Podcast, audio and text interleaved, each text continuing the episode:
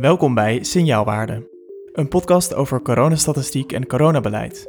Een extra aflevering waarin jullie vragen over de huidige situatie, delta, donkerrood, vakanties en moties besproken worden door Marino van Zelst en Jorik Blijenberg. Mijn naam is Maarten van Woerkom en dit is aflevering 18 van Signaalwaarde.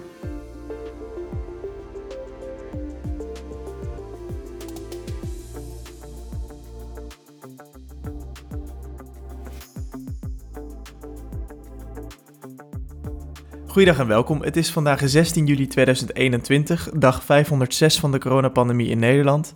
En uh, nog maar een weekje geleden namen wij um, aflevering 17 op.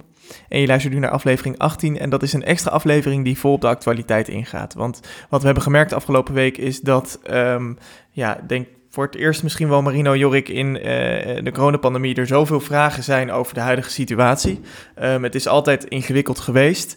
Um, maar nu uh, is het echt enorm zoeken naar uh, hoe, moeten we, ja, hoe moeten we dit nou interpreteren? Hoe moeten we nou kijken naar die Delta-variant? Hoe verhoudt zich dat nou tot versoepelingen, tot reizen, tot hoe we nu eigenlijk leven. Uh, is het nou ernstig of niet? Allemaal vragen die we uh, in de Twitter-inbox uh, krijgen. Um, dus we hebben nog maar eens een oproepje op Twitter gezet en gaan met jullie vragen aan de slag in deze aflevering. We gaan het hebben over Delta, over code rood, donkerrood. we gaan het hebben over bepaalde moties die besproken zijn afgelopen week in de Tweede Kamer. En uh, proberen zoveel mogelijk van jullie vragen te behandelen. Um, maar eerst, Marino, Jorik, uh, hebben jullie van afgelopen week nog een numeriek kenmerk? Jazeker. Um, wij nemen dit op op vrijdagochtend. Uh, en op vrijdagmiddag komt de nieuwe, meest recente berekende R van het RIVM uit. En ik heb gisteren op Twitter gezet, ik durf er een taart op in te zetten dat de meest recent berekende R hoger dan 3 is. dus het getal van de week is 3. Uh, uiteraard. Maar waarschijnlijk um, zien we dat die R uh, dan uit gaat komen op rond de 3,5 ergens. Dat is een beetje lastig te voorspellen, want ik probeer het RIVM altijd na te modelleren. Dus, dus dat ik een paar dagen van tevoren weet waar het RIVM mee gaat komen. Maar met deze exponentiële groei vliegen mijn modelfit ook echt de bocht uit. maar dat het boven de 3 is, dat durf ik van tevoren te zeggen. En dan, nou ja, zondag, als dit online komt... Dan zullen we merken of ik die taart aan iemand moet gaan doneren. Ja. Ik stel me beschikbaar hoor, als, als taartontvanger. dat dacht ik al wel, ja. Hey, een, een R boven de drie, dat betekent dus dat één besmette persoon uh, meer dan drie andere personen zal besmetten. Um, maar hoe verhoudt zich dat dan tot een populatie die grotendeels gevaccineerd is? Want eh, vorig jaar was het vrij simpel, kon je een R eigenlijk zo neerleggen over de hele Nederlandse bevolking. Maar nu heb je natuurlijk een groep mensen die immuun is. Ja, kijk, die R is, dat is een gemiddelde hè, van wat er in de populatie gebeurt. Dus, dus we doen alsof um, uh, elke persoon die besmet is, dan drie personen besmet. Maar dat is in deze fase echt niet het geval. Dat was nooit al. Maar dat is nu nog veel minder, omdat dit ontzettend gedreven werd uh, nog door superspreader events. Want die R die het RIVM berekent, is altijd ongeveer twee weken oud. Dan kun je hem echt met zekerheid vaststellen. Um, ja, en dat is echt in die periode waarin we dus uh, die superspreader events hadden bij Aspen Valley, nou ja, waar we het de vorige keer over gehad hebben. Dus deze... Dus deze... we krijgen nu eigenlijk de R van Verknipt Festival in Utrecht. Ja, nou ja, deze van twee weken terug, hè, uh, die we dan gaan zien. Dus dat is het weekend van 2, 3 juli. En dat is inderdaad, uh, uh, nou ja, al die feestjes die toen nog door mochten gaan. Waar we sinds vorige week vrijdag een rem op hebben gezet. Daar komen we zo natuurlijk op terug. Uh, maar, maar je moet, moet in de gaten houden dat op dit moment die R dus echt gebaseerd is op één iemand die waarschijnlijk 50 of 100 man heeft geïnfecteerd. Dat soort getallen hebben we het misschien wel over. Ja, en de rest uh, niet. De grote crux is, wat gaan al die mensen doen uh, natuurlijk die geïnfecteerd zijn door die, door die superspreaders? en ja, dat gaan we de komende weken ontdekken. Ja, precies. Dus eigenlijk uh, moeten we, als we vanmiddag die cijfers zien, daarbij heel erg in ons achterhoofd houden dat dat misschien nog wel past bij de piek aan besmettingen die we zagen twee weken geleden. Ja. En hoeft dat niet representatief te zijn voor de R die op dit moment geldt? Nee, zeker niet. Nee. Dat is echt wel uh, uh, anders, want je kunt die R wel hè, vooruit proberen te forecasten. Um, dus dat je dichter bij de dag van nu dat berekent, dat, dat doet uh, Henk Jan uh, uit uh, het Data Nerd team bijvoorbeeld bij ons. Nou, en die zat twee weken geleden al te berekenen. Nou, de R is vandaag waarschijnlijk 3, 3,5 jongens. en die zit er dus waarschijnlijk heel dichtbij, toen al, met de definitieve berekende R waar het RIVM vandaag mee komt. Ja. Ja, dit gaat dus allemaal over besmettingscijfers. Um, laten we daar meteen even naar kijken, want die waren de afgelopen weken hoog. Uh, we zagen stijgingen. Je noemt al die superspreading-events. Daar hebben we het vorige aflevering ook uitgebreid over gehad. Dus wil je hier nog meer context over luisteren, dan ook even naar aflevering 17. Uh, vind je op de plek waar je ook deze podcast nu luistert. Um, laten we even kijken naar uh, de Europese autoriteit die deze cijfers bijhoudt, want daar zijn toch de meeste ogen op gericht in deze maanden. dat is het ECDC, het Europees Centrum voor Ziektepreventie en Bestrijding. Um, die houdt een Europese kaart bij, Jorik. Uh, daarbij hebben we op Europees niveau um, besloten dat er bepaalde kleurcoderingen komen, uh, passend bij een aantal besmettingen per 100.000 inwoners. Zeg ik dat goed? Ja, klopt inderdaad. Wat zij doen is kijken uh, wat lidstaten doorgeven per, volgens mij is dat nutsregio. In, in dit geval is dat per provincie van Nederland.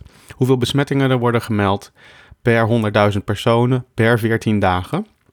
Dus dat is een gemiddelde wat altijd een beetje achterloopt, uh, zou je kunnen zeggen.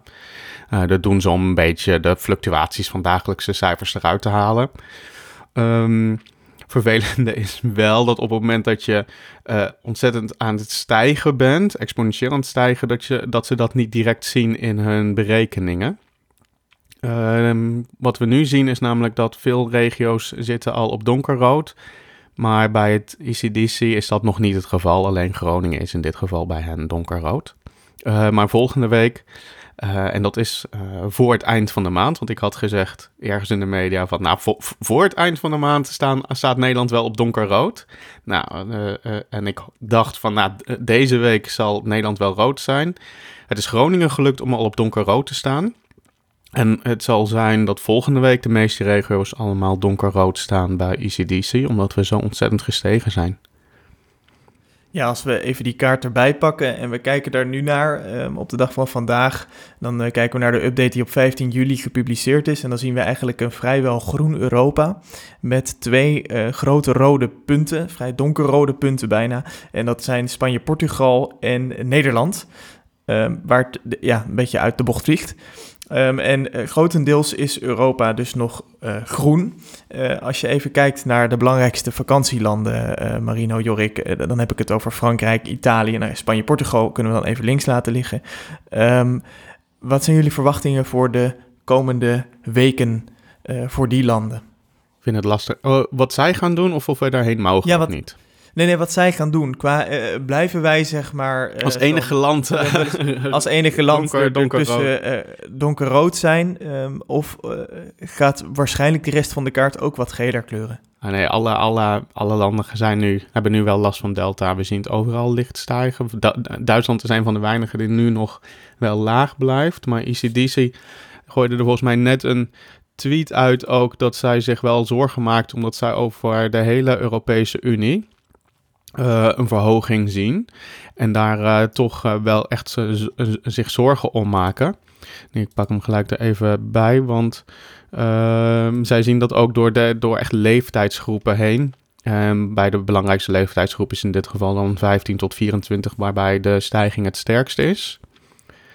Um, maar ze zien een trend uh, Europa breed eigenlijk dat het aantal gevallen met in dit geval al uh, bijna 65% hoger is dan uh, vorige week. Delta is gewoon ontzettend besmettelijk, maar daar gaan we het straks ook nog over hebben. Nee, we gaan het moeilijk krijgen. Europa gaat het moeilijk krijgen met de nieuwe variant. Ik wil wel even op aanvullen. Um, je ziet ook wereldwijd echt het aantal cases was aan het zakken. En sinds eind juni is het gewoon echt weer aan het draaien. Um, de WHO concludeerde gisteren ook volgens mij dat het de sterfte ook weer 3% hoger was afgelopen week dan de week daarvoor. Nou, dat correspondeert um, allemaal wel. Maar zelfs in uh, Duitsland zie je het aantal cases nu toch echt weer uh, stijgen. Het verschil is dat in Duitsland um, ze die superspreaders echt uh, proberen eronder te houden. Um, dus zelfs in Duitsland is een stijging, wat te verwachten was met Delta.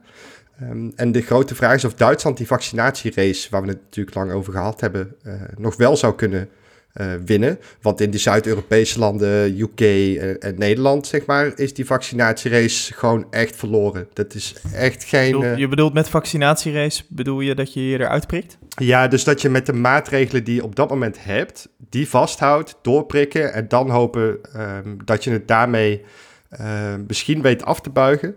Ehm, hè, dat was een beetje het idee hier in Nederland ook, van nou ja, we versoepelen, maar we zijn zo ver met vaccineren, dat kan niet echt meer fout gaan. Uh, ja, Delta, dat, hold my beer.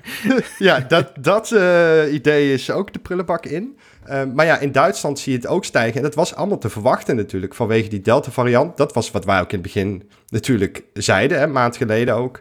Uh, voordat het al ontplofte. Van ja, als je verder gaat versoepelen en je hebt een besmettelijkere variant, dan kan het echt de bocht uitvliegen. Als je vasthoudt, dan, dan haal je het misschien, zeg maar. Nou, in Duitsland lijkt daar nu op um, te gokken, maar in Duitsland zijn in sommige deelstaten ook verkiezingen. Uh, dus bijvoorbeeld Noord-Rijn-Westfalen hebben ze de clubs ook geopend afgelopen weekend. Um, en ja, eigenlijk zitten we met argusogen nu naar Noord-Rijn-Westfalen te kijken. Uh, hè, als een van die deelstaten. Ligt ook naast Nederland natuurlijk. Of daar de ontploffing nu misschien ook gaat gebeuren. Ja. Ja, en dan bruggetje daar dan ook maar gelijk heen. Ik weet niet of we daar, dat verder in het script hadden staan, maar ik had er met iemand anders over van, um, en dat gaat echt naar de endemische fase van wat wil je precies gaan doen in de toekomst als je eigenlijk klaar bent met het vaccineren. En Noord-Westfalen, wat zij nu gaan doen, maar ook de UK, die over drie dagen een grote openingsdag heeft. Ja, die gaan ons echt laten zien van wat gebeurt er als je heel veel maatregelen los gaat laten. Um, dus dat is ook heel belangrijk om ons daar goed naar te kijken en daar nu wel van te leren. Om te kijken van oké, welke dingen kan je wel doen, welke zijn wel verstandig en welke niet. Ja, dat is natuurlijk wel interessant, want wat daaronder ligt is een discussie die afgelopen week ook in uh, de academische virologische kringen um, uh, wordt gevoerd. Uh, is het sturen op besmettingscijfers nog wel de juiste aanpak um, van, of de, de, ernst de ernst ontlenen aan de hoeveelheid besmettingscijfers, moet ik zeggen, nog wel de juiste aanpak voor het, het, bedenken en bestrijden van deze crisis? Want vorig jaar zagen we dat. Um, besmettingscijfers zich direct vertaalden in uh, hoge ziekenhuisopnames. Dat de zorg onder druk kwam te staan. En het is geen geheim dat um, onze overheid eigenlijk altijd gestuurd heeft op ziekenhuiscapaciteit, op intensive care capaciteit. We zien nu, nu zoveel mensen gevaccineerd zijn, dat eigenlijk vooral jongere mensen besmet raken. Uh, dat daarbij uiteraard risico's bestaan op het, uh, ontstaan van long-covid, op transmissie, uh, transmissie naar mensen die, de, de, kleine groep mensen die nog wel kwetsbaar is, die nog niet volledig gevaccineerd is. Maar ook, ook daar lopen we op een gegeven moment tegen een eindpunt aan, waarbij de meeste mensen wel gevaccineerd zijn. dus er komt ergens natuurlijk een omslag naar dat we moeten los gaan laten ehm, dat uh, we gaan sturen en dat we bijhouden dat we de ernst van de crisis ontlenen aan de hoeveelheid besmettingen. Wanneer komt dat punt? Nou, kijk, ik denk dat dat punt nog, nu nog niet gekomen is. Um, er waren wat mensen die zeiden van, hè, we, we hebben de ECDC-kaart bijvoorbeeld op besmettingen. Uh, we moeten dat op ziekenhuisopnames. Toen had ik een beetje flauw getweet van, hè, mensen die in het ziekenhuis liggen kunnen anderen die besmetten. Want ze liggen notabene in het ziekenhuis. Nou, die opmerking werd door een Kamerlid in de Tweede Kamer van de week nog even aangehaald. Uh, of die het gekopieerd had, weet ik niet. Maar hij zei exact hetzelfde. En um, die discussie snap ik op dit moment nog niet. Als we kijken naar het Verenigd Koninkrijk, want daar zie je stomweg dat als je maar genoeg besmettingen hebt, dat het echt vanzelf wel rap gaat nog in het uh, ziekenhuis. Want daar zit het aantal opnames nu gewoon nog steeds op ongeveer 600 per dag. Um, dat is een ander systeem, dus je kunt het niet helemaal vergelijken. Maar als je het omrekent, is dat in Nederlandse context 150 opnames per dag. Het is best wel veel. Um, het systeem is nog niet compleet doorgebrand, maar er zijn wel wat ziekenhuizen die aangeven van we moeten echt reguliere zorg afschalen. Uh, het is echt spannend op dit moment. Ja, op dit moment sturen op ziekenhuisopnames voor risico's vind ik nog steeds niet verstandig. Over twee maanden uh, wordt het wel een ander verhaal, daar ben ik het mee eens. Um, hè, dan is eigenlijk iedereen die gevaccineerd wil worden, um, is dan wel gevaccineerd. Uh, dat kan Jorik helemaal uh, fantastisch uitleggen hoe het met de vaccinatiesnelheid gaat. Maar En wat we in Israël bijvoorbeeld zien, uh, lijkt erop dat immuniteit iets afneemt. Er zijn een hoop mensen die niet gevaccineerd kunnen worden, een hoop mensen die. Um, waar de vaccinatie gewoon niet goed werkt. Daar had ik contact over met een hoogleraar uit een academisch ziekenhuis. Die zei: Ja, ik zie ook gewoon opnames van mensen die volledig gevaccineerd zijn. Maar die hebben een verstoorde afweer. Um, ja, dan werkt het allemaal wat minder goed. Um, en als derde punt, ik denk dat we gewoon nog een heleboel heterogeniteit hebben in de vaccinatiegraad. Dus er zijn echt, zeg maar, wijken hè, uh, met lagere socio-economische status. Ja, waar bijvoorbeeld maar 60% van de 65-plussers gevaccineerd is. Nou, dat blijft gewoon uh, een issue. Dus ja, over twee maanden hebben we echt wel een andere situatie. Hugo de Jonge noemde dat de overgangsfase. Ja, ik hoop dat het de overgangsfase is. Ja, we moeten ook even kijken. Het, is een. Um, het is nu, nu eigenlijk nog vrij lastig in te schatten wat, hoe we er over twee, twee maanden uh, voor staan.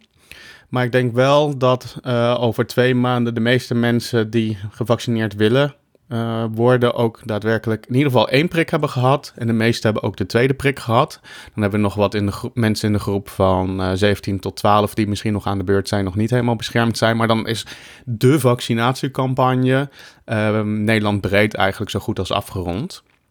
En dan, dan is natuurlijk de vraag, wat ga je daarna precies doen? Uh, en dat is een hele moeilijke discussie, ook een ethische discussie. En zoals Marino al aangaf, als je dan relatief veel mensen hebt die onbeschermd zijn. Um, van de ene kant zou je kunnen stellen van, nou, de mensen die vrijwillig uh, of denken van, uh, nou ja, ik wil niet beschermd zijn, ik, sta, ik maak liever die infectie door, prima, is aan jullie. Um, dan is natuurlijk de eerste vraag: hoeveel mensen zijn dat? En stel dat iedereen in één keer die infectie doormaakt, kunnen de ziekenhuizen dat aan? Als dat niet zo is, moet je maatregelen nemen. Dan heb je nog het andere aspect, en dat zijn de mensen met een verminderd immuunsysteem, of mensen die zich niet kunnen laten vaccineren, om wat voor medische redenen dan ook, uh, die je mogelijk blootstelt aan een, aan een gevaarlijk virus voor hen. Uh, en, en da daarom zomaar de maatregelen uh, loslaten kan heel, heel, heel lastig zijn, in ieder geval ethisch gezien. En, mag, ik, mag ik dan even advocaat van de duivel ja. spelen? Want um, het, het, beschermen van kwetsbare mensen is natuurlijk heel nobel mm -hmm. en dat is ook heel belangrijk. Um, en uh, maar er bestaan altijd gezondheidsrisico's. Zeker, zeker. De gezondheidszorg is ja. er ook voor. Uh, ook voor mensen die zelf bewust gezondheidsrisico's mm -hmm, nemen. Mm -hmm. De longafdelingen liggen vol met patiënten uh, die daar ten gevolge van roken uh, met ziekte liggen. Dat ontken ik ook helemaal even, Ik wil alleen even schetsen, zeg maar, wat zijn, de, wat zijn de risico's aan de ene kant? En die moet je natuurlijk afwegen aan wat wil je daarvoor op opofferen, ja of nee. Nou, dat is een ethische discussie. Als het goed is, gaan we daar binnenkort nog over praten hier in signaalwaarde. Maar ik wilde ook nog wel echt noemen dat uh, twee leden in de Tweede Kamer, uh, Van der Staaij en Paternotte, uh, die hebben ook een motie geschreven waarin ze de regering oproepen om te gaan bedenken, oké, hoe gaan we nu eigenlijk om met de maatregelen uh, en daar staat in letterlijk: overwegende dat COVID-19, net als andere infectieziekten, onder de Nederlandse bevolking aanwezig zal blijven. De zogenaamde endemische fase. Overwegende dat dit de ethische vraag oproept in hoeverre maatregelen nog proportioneel zijn om in deze fase het risico op ziekte en sterfte aan COVID-19 te reduceren. En dan verzoekt de, de regering om na advies ingewonnen te hebben van ethici en andere wetenschappers, te bepalen welke maatregelen tegen COVID-19 in de endemische fase nog noodzakelijk en proportioneel zijn. En dat is een debat wat ik heel erg hoop um, gevoerd gaat worden in de Tweede Kamer, los van een stand van zakenbrief, maar echt in een apart debat wordt gedebatteerd door de Tweede Kamer en echt goed wordt nagedacht, oké, hoe willen we nu omgaan met deze ziekte? En dat is een, een, hele lastige discussie en ik vind het ook wel lastig om nu al te bepalen van wat gaat daar uitkomen. Het is gewoon een ontzettend lastige vraag.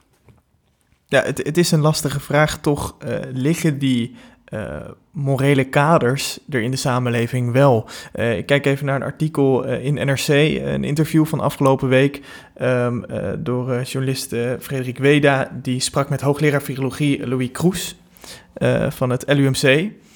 En um, ik zie Marino al wegwuiven, maar dat is wel een belangrijk viroloog in Nederland. Ehm, en ik ben wel benieuwd, jullie hebben het artikel denk ik ook gelezen? Ik heb het gemist. Ik heb het niet gelezen. Marino denk ik wel.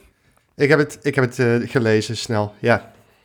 De, de, kop, de kop laat paniek over de Delta-variant van het coronavirus is onterecht. En hij stelt eigenlijk dat we die, uh, als ik het goed begrepen heb, die endemische fase eigenlijk al bereikt hebben. En dat we nu uh, het land op slot gooien om de vakanties, of het land op slot gooien, dus te kort door de bocht, omdat we nu wat, wat, wat maatregelen weer nemen om de vakanties te redden. Um, maar hij stelt eigenlijk al dat die endemische fase er is. Marino, jij ziet dat toch anders als je naar de cijfers kijkt. Ja, ehm, kijk, ik ben het daar met die analyse wel eens dat we nu maatregelen nemen, deels om de vakanties te redden. Um, ik denk dat dat een onderdeel is van de motivatie van de beleidsmakers. Dat dat niet de juiste motivatie is, um, uiteraard. Maar ik denk oprecht dat hij daar wel gelijk heeft, dat dat een onderdeel is uh, van de overwegingen. ik ben niet zo happig op uh, prognoses van uh, hoogleraar Kroes ik denk dat het een goede viroloog is, eh, maar um, hij heeft tot nu toe um, is zijn boodschap altijd hetzelfde geweest. Dat was in september, uh, hè, bij het begin van de tweede golf. Er is niks aan de hand, jongens. Uh, wacht nou even tot je het probleem ziet. Nou, dat, hebben we gedaan en dat hebben we gemerkt ook. Um, bij de alpha-variant uh, was de schets hetzelfde. Met doe nou niet panisch. Hè? Misschien is het wel helemaal niet besmettelijker. laten we even wachten tot we zien of het een probleem is. Nou, dat Ehm, hebben we geweten. Eh, het was echt eh, heel kritiek, eh, onder andere op de IC. En het was al veel kritieker in alle fases daarvoor. Dus ehm, ik ben er niet zo happig op om ehm, deze downplaying in mee te gaan. Het zou kunnen zijn dat hij dit, deze keer gelijk heeft. Maar op basis van zijn track record uh, ben ik voorzichtig uh, voor het overnemen van de conclusies. Uh, op, basis van, van de, op basis van de cijfers ben ik het niet eens met de conclusie dat we nu in die e-, endemische fase zitten. Om de doodsimpele reden dat 55% van de mensen nog niet volledig beschermd is. Dat betekent dat je ruim 8 miljoen mensen hebt die nog onbeschermd zijn. Waar Delta gewoon makkelijk die mensen kan besmetten en ook in het ziekenhuis kan krijgen. Uh, dus ik denk wel dat dat een verkeerde duiding is van de situatie waar we nu in zitten. Puur als ik gewoon kijk naar hoeveel mensen volledig beschermd zijn, zijn we er nog lang niet, die endemische fase. En daarvoor moeten we meer vaccineren. Jorik, er is ook veel te doen over mensen die met Delta besmet raken um, um, en uh, dachten beschermd te zijn doordat ze eerder een COVID-infectie hadden doorgemaakt. Um, daar is veel onrust over. We weten niet zo goed hoe het nu zit met Delta en immuniteit. Als je nu kijkt naar de werkzaamheid van de huidige vaccins, uh, bijvoorbeeld een vraag van een van onze luisteraars van mensen, die vraagt zich af: moeten alle jongeren die net na een eerste vaccin besmet zijn geraakt, uh, nog wel komen voor een tweede prik? Of telt uh, dan de besmetting als zeg maar tweede prik en is één vaccin voldoende? We gaan er eigenlijk altijd vanuit dat um, als je besmet bent geweest en daarna een prik krijgt, dat je dan voldoende beschermd bent. de andere, andere kant werkt niet. Wat we altijd zeggen is, op het moment dat je één prik hebt gehad, dan besmet bent, dan willen we eigenlijk ook nog dat je een tweede prik krijgt. Theoretisch gezien is het wel zo dat je voldoende beschermd is, maar daar gaan we gewoon niet van uit. Verder is het wel inderdaad in het protocol ook echt vastgelegd van hè, als je besmet bent, uh, of sorry, gevaccineerd bent voor de eerste keer, daarna besmet raakt, dan word je echt opgeroepen van kom uh, nog een keer. We zien wel, uh, dat gaf uh, Aura Tima ook aan in de briefing van de week, want deze vraag werd daar ook gesteld, dat zij, ja, we zien natuurlijk wel dat zo'n besmetting na een eerste vaccinatie uiteraard ook weer bijdraagt aan die immuniteit. Haar advies was niet, hè, laat je prikken uh, wacht even twee weken en ga dansen met uh, iets anders dan Jansen. dan, iets anders dan dansen met Jansen, want je moet nog een tweede prik. Dat was zeker niet haar advies. Dus, dus het, de tip was gewoon, hou even je gemak tot je de volledige bescherming, hè, 2 plus 2 noemen we dat, twee prikken en twee weken wachten, binnen hebt. Maar ja, als je uh, tussendoor besmet raakt, ehm, is zeker het advies om die tweede prik nog te halen. En weet je waarom ook niet? In het eerste geval werkt die uh, tweede prik echt als een booster. Dus dan ben je nog beter beschermd. Maar ja, je, je wil sowieso niet besmet raken tussen de eerste en de tweede prik. Dat is ook zo lullig. Ja. Ik raad dat ook mensen af om te doen.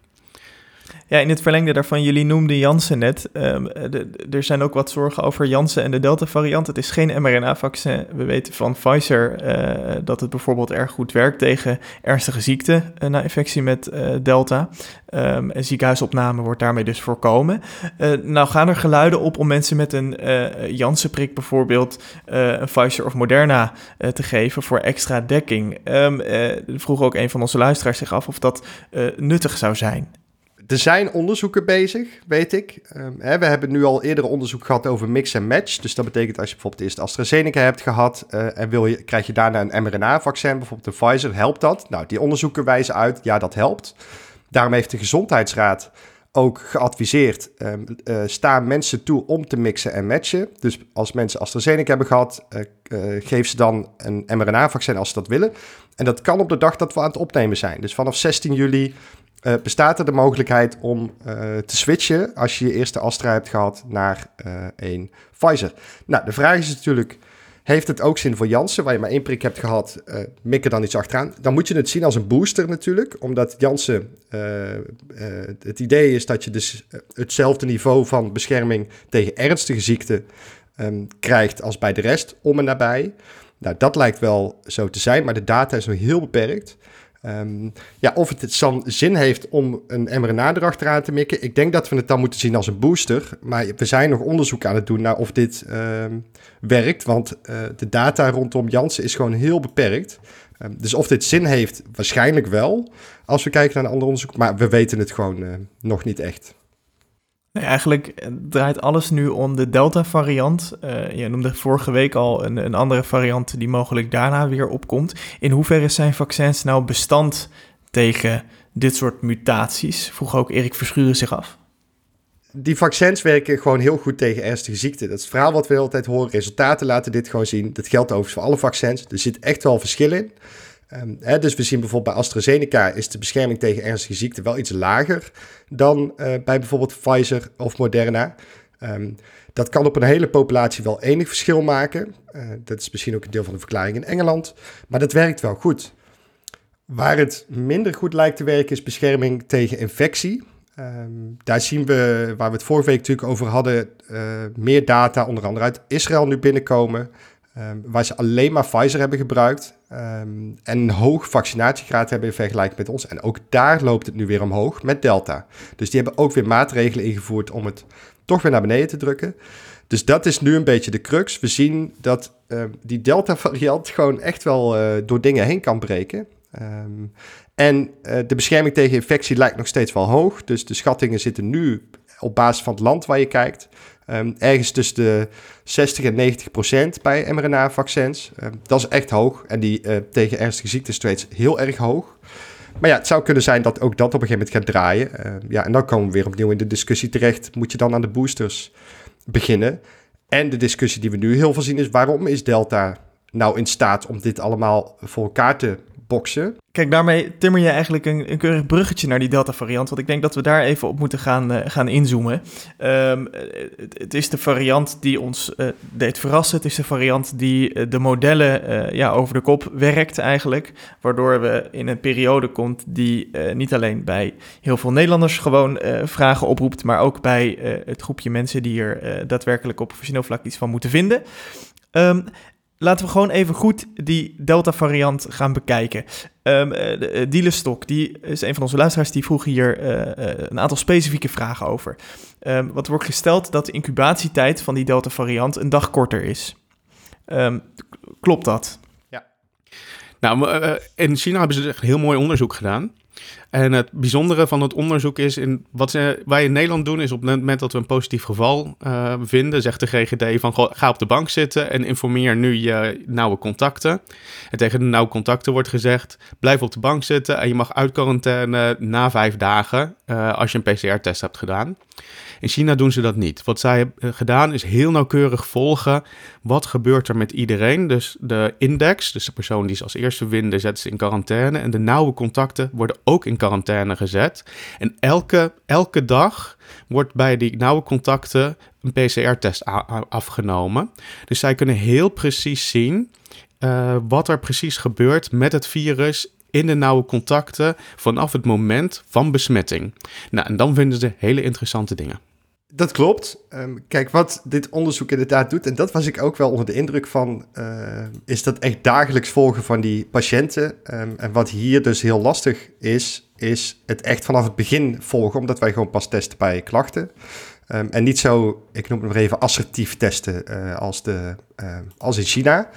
Nou, er waren een aantal hypotheses over waarom is die Delta-variant nou besmettelijker dan de voorgaande. Um, eentje daarvan is uh, uh, verbeterde fitness. Dat betekent dat ze uh, mensen meer virale deeltjes aan het rondblazen zijn.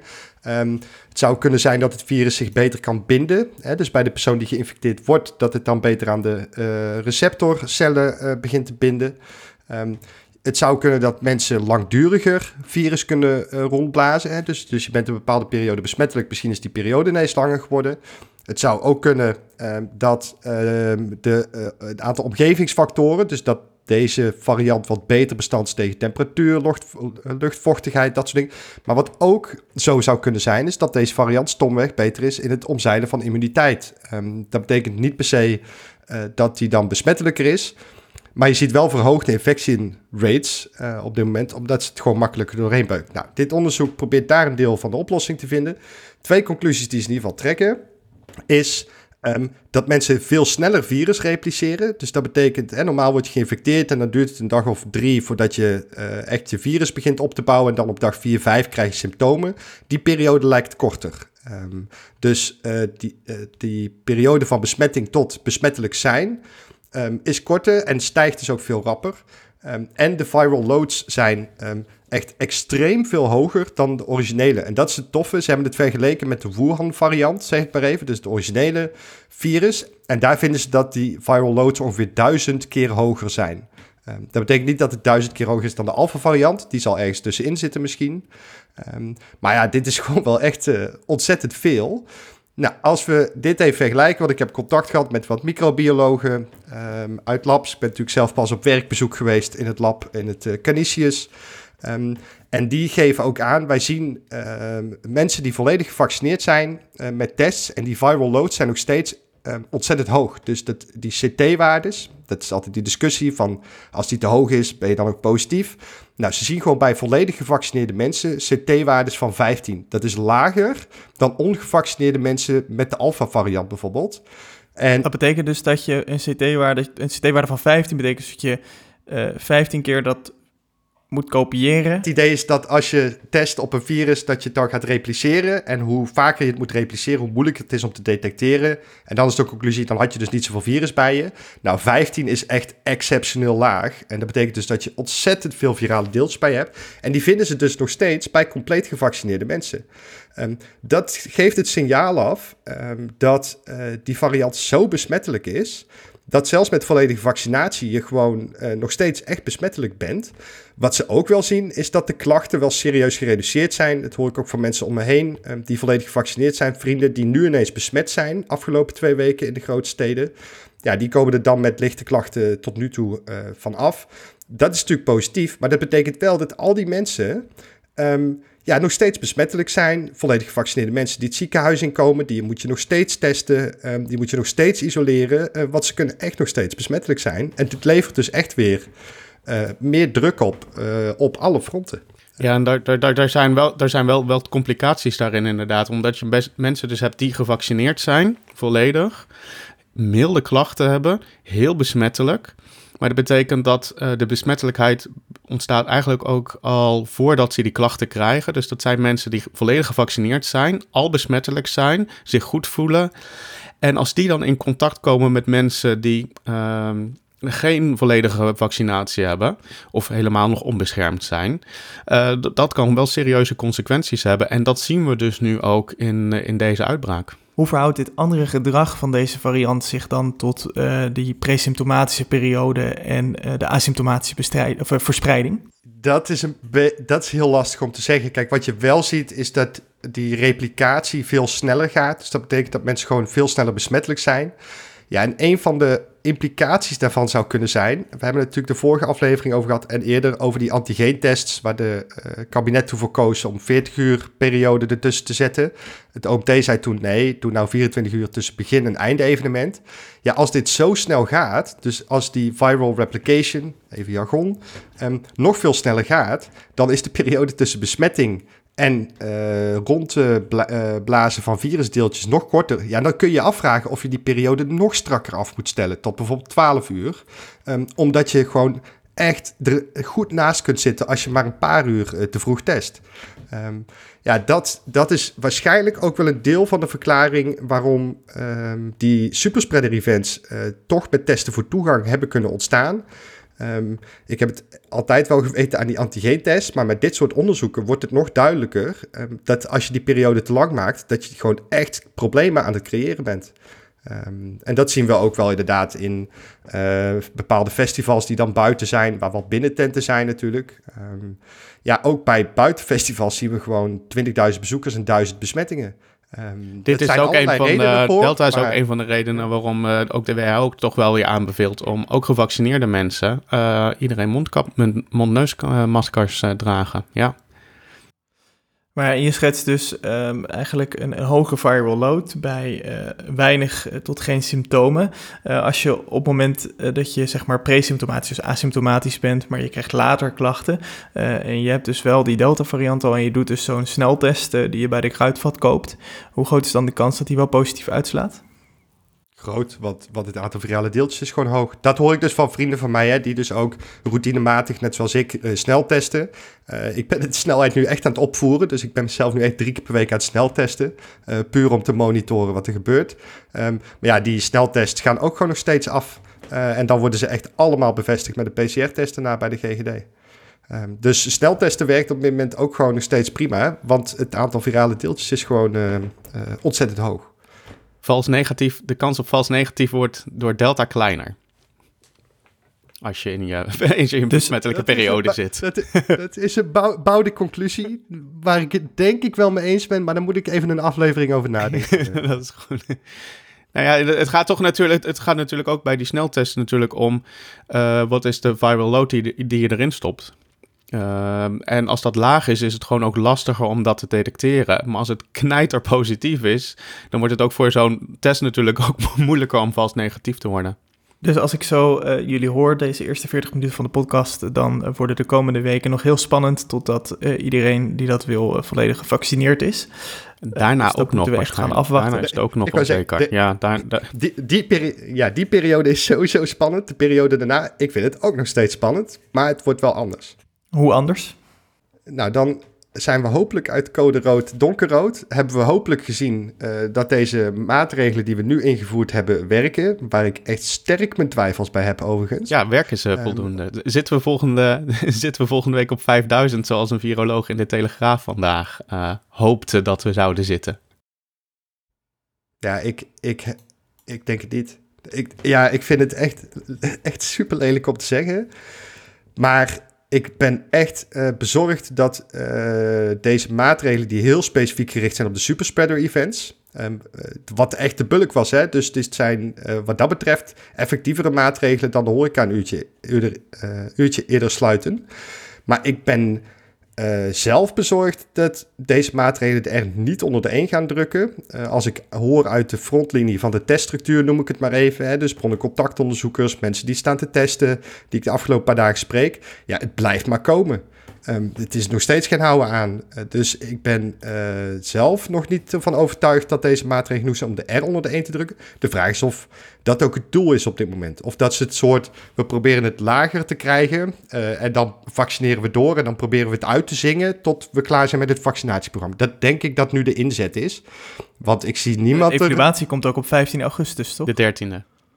13e, eh, sorry, uh, 15 augustus weekend erna. Uh, dat iedereen weer hoopt te en mogen daarna mag iedereen naar Lowlands toe, of niet? Misschien wel, of niet? Of niet. maar um, die 13 augustus, volgens mij zei ik dat vorige aflevering ook, is natuurlijk gekozen omdat dan de, de, vaccinatiecampagne is, tegen ja. een einde gaat lopen. Ja, ik vind het zelf ook allemaal heel spannend. En ik, ik, ik was er ook over aan het nadenken van, we hebben natuurlijk nu een aantal maatregelen genomen. En waar ik een draadje over had geschreven, want uh, wat we zagen in het begin van het jaar, nu ook met Delta, is dat je een, een lager het aantal ziet dalen, terwijl de varianten zeg maar opkomen in die onderstroom, dus die veenbrand. Waar ik nu een beetje bang voor ben, is dat die uh, zware maatregelen op de nachthoreca ervoor zorgen dat de verspreiding heel erg gaat stoppen uh, onder de jongeren. Terwijl onder, daaronder nog een stroom is waarbij uh, de ouderen uh, elkaar toch meer aan het besmetten zijn en de R nog boven de 1 ligt. Waardoor je toch nog eerst een, echt een, wel een hele forse daling ziet, maar daarna weer een soort van opkomende stijging. En vooral bij ouderen. Um, waarbij ik ook zei van ja, op het moment dat we nu halveren qua besmettingen, uh, kan dat zijn doordat dat allemaal jongeren zijn. Maar op het moment dat uh, je de helft van de besmettingen hebt, maar de verhouding heel erg verschuift naar de ouderen, kan je nog steeds meer ziekenhuisopnames krijgen. Dus dat is wel iets waar ik bang voor ben. En een van de belangrijkste slides, denk ik, in de afgelopen technische briefing, die overigens werd verzorgd door Aura Tiemen in plaats van Jaap van Dissel. En ik vond het wel fijn om haar een keer te horen, want zij was heel duidelijk. Was echt wel een verademing. Dat was slide 41 en dat gaat over het reproductiegetal van de varianten. En wat zij liet zien is dat de R van Delta uh, nog nooit onder de 1 is geweest in Nederland. Dat betekent, en daarom ben ik ook wel pessimistisch op dit moment, dat um, de maatregelen voor 26 september waren niet voldoende om de R van Delta onder de 1 te krijgen. Nou, het enige verschil wat we eigenlijk nu hebben met de 26e is dat we meer hebben gevaccineerd. Maar de maatregelen zijn minder streng. Dus dat zou suggereren dat als we nu de R onder de 1 moeten krijgen, dat we uh, met dezelfde, ja, als we minder streng zijn, dat we dus meer moeten vaccineren. Uh, en heel veel meer moeten vaccineren. Maar op dit moment, zoals ik al eerder zei, is uh, eh, 55% van de Nederlandse bevolking nog onvoldoende beschermd. Ik denk niet dat dat voldoende is om de R op, uh, onder de 1 te krijgen. En aangezien de maatregelen niet strenger zijn, ja, iedereen kan het misschien nu heel voorzichtig zijn, omdat iedereen de besmettelingen, besmettelingen, zeg, meer die verspreking, besmettingen ziet stijgen. Dus dat Hans de besmettingen effect, hè, uh, dus het kan zijn dat daardoor mensen heel voorzichtig zijn en we daardoor wel de R onder de 1 krijgen.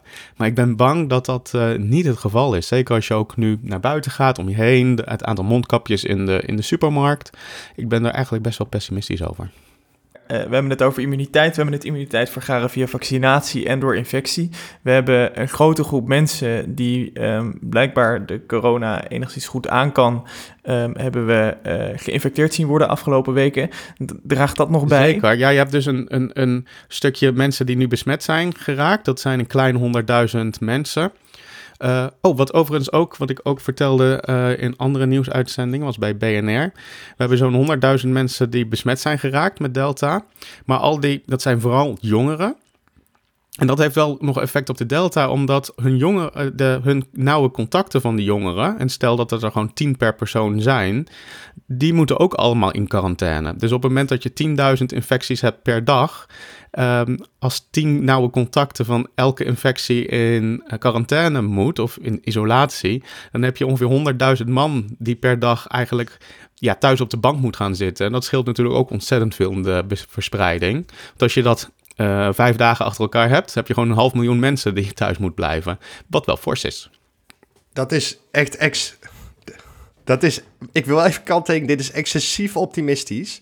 Want als we het hebben over superspreader events, dan zijn al die nauwe contacten die Jorik in quarantaine gaat plaatsen, zeg maar, dat zijn mensen die ook allemaal besmet zijn. Dus um, die 500.000 in een week is echt excessief optimistisch. Het idee van verzadiging Ehm, hè, dus op een gegeven moment heb je, heb je in zo'n korte periode zijn heel veel mensen besmet. Moeten er ook een heleboel mensen in quarantaine. Gaan de mensen eromheen, die worden allemaal ingezaaid van... joh, eh, het is echt uh, ontploffing in café uh, aan de haven in, het, in uh, Lutjebroek. Um, blijf even thuis, zeg maar. Want dit soort communicatie heb ik nu ook met mensen. Ja, dan, dan op een gegeven moment moet het een beetje stoppen, zeg maar. Maar echt afremmen um, is, gaat het ook niet helemaal doen natuurlijk. Ja, immuniteit. Um, kijk, we weten uit onderzoek dat een besmetting ook immuniteit oplevert. Maar wat ik al heel lang roep, um, uh, ook tegen uh, Hugo de Jonge bijvoorbeeld, uh, die uitspraak van Anthony Fauci. je wilt niet de laatste soldaat zijn die sterft voordat het vredesakkoord getekend is. En dat geldt nu ook. Um, dus ik adviseer mensen nu ook wel persoonlijk. Um, om even voorzichtig te doen. Dat was ook een vraag van een luisteraar vorige week, die we vergeten waren, maar ik vond hem wel mooi is welk gedrag passen jullie voor jezelf toe om veilig te blijven? Natuurlijk één of twee vaccinaties, uh, mondneusmaskers waar nodig, geen drukke ruimtes en wat nog meer. Ik draag al 16 maanden uh, witte handschoenen om niet alles te hoeven aanraken. Uh, nou, wat ik zelf bijvoorbeeld doe, is um, uh, nog steeds FP2 of uh, dragen in, in, in binnenruimtes. Uh, FP3 in het OV, want het is echt weer gewoon heel druk. Um, ik heb al vaccinatie natuurlijk binnen, maar ja, weet je, um, ik merk wel op dit moment om me heen dat die Delta-variant om zich heen slaat, ook door vaccinaties heen beukt. Dus ik ben nog wel even echt voorzichtig en ik adviseer mensen nu hè, want in mijn leeftijd word je een beetje, zit je nu tussen de eerste en tweede uh, prik, um, om te zeggen van, joh, blijf serieus even thuis, zeg maar op dit moment. Want het is echt om zich heen aan het slaan. Um, ja, en je kan net die persoon zijn die er niet uh, echt geweldig op reageert. Nou ja, om terug te komen op je vraag, Maarten. Um, die 100.000 infecties die bevestigd zijn, we, we, vaccineren nu een kleine 200.000 mensen per dag. Um, dus uiteindelijk eh, gaat het, gaat het de infecties, uh, uiteindelijk valt dat op zich wel mee als je kijkt in de verhouding naar hoeveel mensen we gewoon vaccineren. Dat vaccineren gaat gewoon ontzettend veel sneller en is veel beter en efficiënter en verstandiger dan infecties laten rondgaan. Ja, dus onder de streep doe voorzichtig en um, haal die prik. Dat is ook wat het demissionair kabinet um, uh, ventileert. Uh, misschien niet op de juiste toon of met de juiste woorden. Um, het zijn natuurlijk Hugo de Jonge, Rutte en het demissionair kabinet... wat de afgelopen 16 maanden het beleid heeft gemaakt. En daar werd nogal kritisch op gereageerd in de Kamer afgelopen week... Um, waarbij een uh, motie van Sylvana Simons van Bijeen eruit springt. En ik denk dat we dat toch even moeten aanstippen. Um, want dat, dat legt wel een discussie bloot in het coronadebat uh, die belangrijk is. Um, uh, die motie, kort Marino, waar kwam die op neer? nou, ik wou heel even één minuutje teruggrijpen wat jij zei. Hè, de mening en, de, en het beleid wat het kabinet ventileert. Um, sinds afgelopen week en het debat is ventilatie een basismaatregel geworden. We hebben 17 maanden moeten wachten. Uh, al onze buren, zoals Duitsland en Engeland, hadden dit dus al als basis. Hè, dus die hebben ook picto's bij die persconferenties. En daar stond ventilatie uh, al lang als basismaatregel. Maar we leren langzaam, maar we leren. Um, er is zelfs een motie aangenomen van uh, de, het duet uh, Jan Paternotte en Geert Wilders. Die luidt, um, constaterende dat ventilatie belangrijk is, zet de ramen open en gaat over tot de orde van de dag. Het was echt um, de kortste motie die ik ooit heb gezien. maar volgens mij is die aangenomen. Dus mensen zetten de ramen open. Ja, maar de premier zei ook echt nou, hele domme dingen daarover. Want hij zei van, dat het, het ging over ventilatie. En hij zei dat dat heel moeilijk te communiceren was, want hij stelde ventilatie gelijk aan mechanische ventilatie. En hij zei dat het moeilijk te communiceren was in persconferenties, want dan zouden mensen kunnen denken dat een ventilator ook voldoende was. Terwijl natuurlijk, wat die motie ook zegt, is wat je wil communiceren is, zet de ramen open. Nou, en dat lijkt me gewoon niet zo moeilijk als je een premier bent om dat te communiceren. Maar hij vond dat kennelijk heel moeilijk. Hij vond dat zo moeilijk dat hij dat 17 maanden lang gewoon niet kon bedenken. Kijk, voor onze eigen luisteraars, even ter verduidelijking het verstandigste is om kruislinks dingen open te zetten. Dus raam aan de ene kant van je huis, raam aan de andere kant van je huis, deuren open houden, zodat het gewoon er doorheen kan blazen. Letterlijk, dit is alles wat je hoeft te zeggen, want dit is thuis wat mensen aan ventilatie kunnen doen. Dus niet de ventilator aanzetten en de ramen dicht houden, maar aan twee kanten van je huis de toko openzetten, lekker door laten blazen, is ook nog een beetje zuurstof. Nou, dan kan de premier hier een voorbeeld aan nemen. Um, dan de motie van uh, Sylvana Simons, want dat was de echte vraag. Um, ja, kijk, die, zij heeft eerder een soortgelijke motie ingediend. Het was op 22 april. En die ging erover dat ze zei: we moeten breken met de strategie van het sturen op ziekenhuiscapaciteit. We moeten terug naar het sturen op besmettingen. Um, want uh, dit heeft gewoon schade aan de volksgezondheid tot gevolg. Nou, die werd gesteund door best wel wat partijen. Dus eigenlijk de linkse oppositie, kort samengevat. Dus SP, PvdA, GroenLinks, Volt. Um, en toen ook nog BBB. Uh, ondertussen heeft Volt toen gisteren, nee, eergisteren ook een motie ingediend.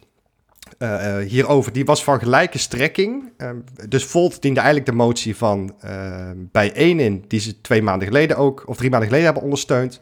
Nou, die werd ook weer ondersteund door de linkse oppositie. Simons van bij één ging een stapje verder en die probeerde te kwantificeren wat de gevolgen zijn van het beleid. En wat ze eigenlijk in die motie schetste was, door deze strategie is er een bepaald niveau van sterfte ontstaan. Um, zij zetten dat op 30.000 in lijn met het CBS. Daar wilden ze mee breken, omdat ze eigenlijk concludeerden... na anderhalf jaar kunnen we wel stellen, deze strategie is niet optimaal. waar de heisa over ontstond, was dat de premier dit om probeerde te draaien tot... zeg jij nu dat door mijn beleidskeuzes ik 30.000 doden heb veroorzaakt? Waarbij Sylvana Simons aangaf, nee, dat is niet wat ik zeg. Ik zeg alleen, bij deze strategie zien we deze consequenties op dit moment... En mijn propositie is, bij een andere strategie had dit lager kunnen zijn. En daarom wil ik breken met deze strategie. Dat was eigenlijk het punt wat ze probeerden te maken. Maar dat is wel met meer politieke correctheid en nuance, Marino, dan dat zij dat bracht in de Kamer. Nee, dat vond ik niet. Want als je goed luistert naar wat ze zegt, zegt ze dit. Alleen zegt ze het, denk ik, assertiever dan ik nu in de podcast probeer te zeggen. Maar um, ze bleef uh, in de antwoorden, omdat de premier het uh, zichzelf heel persoonlijk aantrok. Dus hij was heel uh, geprikkeld, was wel duidelijk. Um, dat gebeurt hem niet zo vaak, maar op de een of andere manier is mevrouw Simons in staat om hem de kast op te krijgen. Ja, hij was heel erg geprikkeld, dus bleef volhouden. Het, zei niet, het is niet uw schuld. Ik wil geen hè, dood door schuld of dat soort dingen aanwijzen. Ik geef gewoon aan, beleidskeuzes hebben gevolgen. En ik wil aan de kaak stellen dat deze gevolgen voor mij onacceptabel zijn. En de propositie erbij dat we uit andere landen kunnen zien dat met een andere strategie er mogelijk andere gevolgen zouden zijn. Nou, laten we die andere strategie dan eens proberen. Dat is eigenlijk wat ze ook uitlegden. Maar het ging er flink op. Het is lang geleden dat ik het zo. Uh... Ik zei pas tegen iemand het langst geleden dat ik het zo pittig heb gezien was de uh, doe zelf normaal man uh, situatie. Dat zegt ja met, met Geert Wilders natuurlijk. Oh, jaren terug, ja. Nou ja, kijk, wat, wat, wat natuurlijk niet uitgevlakt moet worden is... Uh, er zit natuurlijk een component beleidskeuzes in. Maar um, ik denk dat we, uh, en ik blijf die woorden herhalen van uh, Marion Koopmans... expected unexpected, dat we natuurlijk ook rekening moeten houden... met dat we een, een, pandemie voor de, voor de kiezen kregen, krijgen. Een crisis van een omvang die ongekend is. waar in Nederland geen goede crisisstructuur voor lag waar ad hoc beleidskeuzes gemaakt moesten worden. Um, en met terugwerkende kracht is het natuurlijk altijd makkelijk om te zeggen: uh, dit had anders gemoeten, dit had anders gekund. We gaan dit natuurlijk uitgebreid in een evaluatie uh, in een aantal afleveringen bespreken. Um, maar ik denk dat dat altijd gepast is om te noemen aan de zijlijn dat het natuurlijk ook een geheel onvoorspelbare situatie was en is. Um, waarbij uh, het, het om de oren slaan met sterftecijfers um, misschien in deze fase uh, onrecht doet of, of niet, niet voldoende ruimte biedt voor een daadwerkelijk inhoudelijke um, goede vraag. Want dat is natuurlijk wel, dat, dat is een beetje wat ik jammer vond aan de ophef, is dat uh, het dus de kant op ging van het kabinet heeft mensen vermoord, terwijl de onderliggende vraag een stuk interessanter is. Uh, van uh, welke beleidskeuzes hadden misschien anders gekund en uh, kunnen we de kennis die we nu in 16 maanden op hebben gedaan, kunnen we daar lessons learned uit formuleren en kunnen we daar in het toekomstig beleid rekening mee houden? Ja, ik denk dat ik dat, ik onderschrijf dat wel helemaal, maar ik denk dat Marino wel duidelijk stelde dat de eerste motie in Vol, die Volt dan, uh, of bij één eerder heeft gedaan, uh, stelde natu dat natuurlijk ook al wat genuanceerder en riep gewoon op ook tot het wijzigen van beleid. En ik denk bij best wel dat je inderdaad kunt noemen van welk uh, beleid wat voor gevolgen heeft.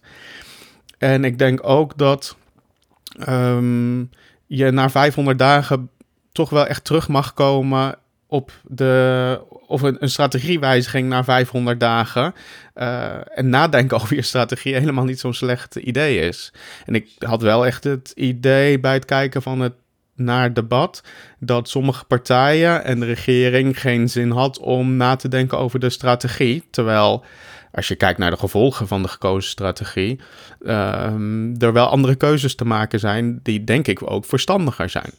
Als aanvulling daarop, uh, denk ik dat we het ook duidelijk kunnen zien. Kijk, Duitsland bijvoorbeeld um, is een soortzelfde land als wij. Wel anders, maar het lijkt er een beetje op. Ze hebben met dezelfde varianten dealen. Um, Duitsland heeft een andere strategie dan wij.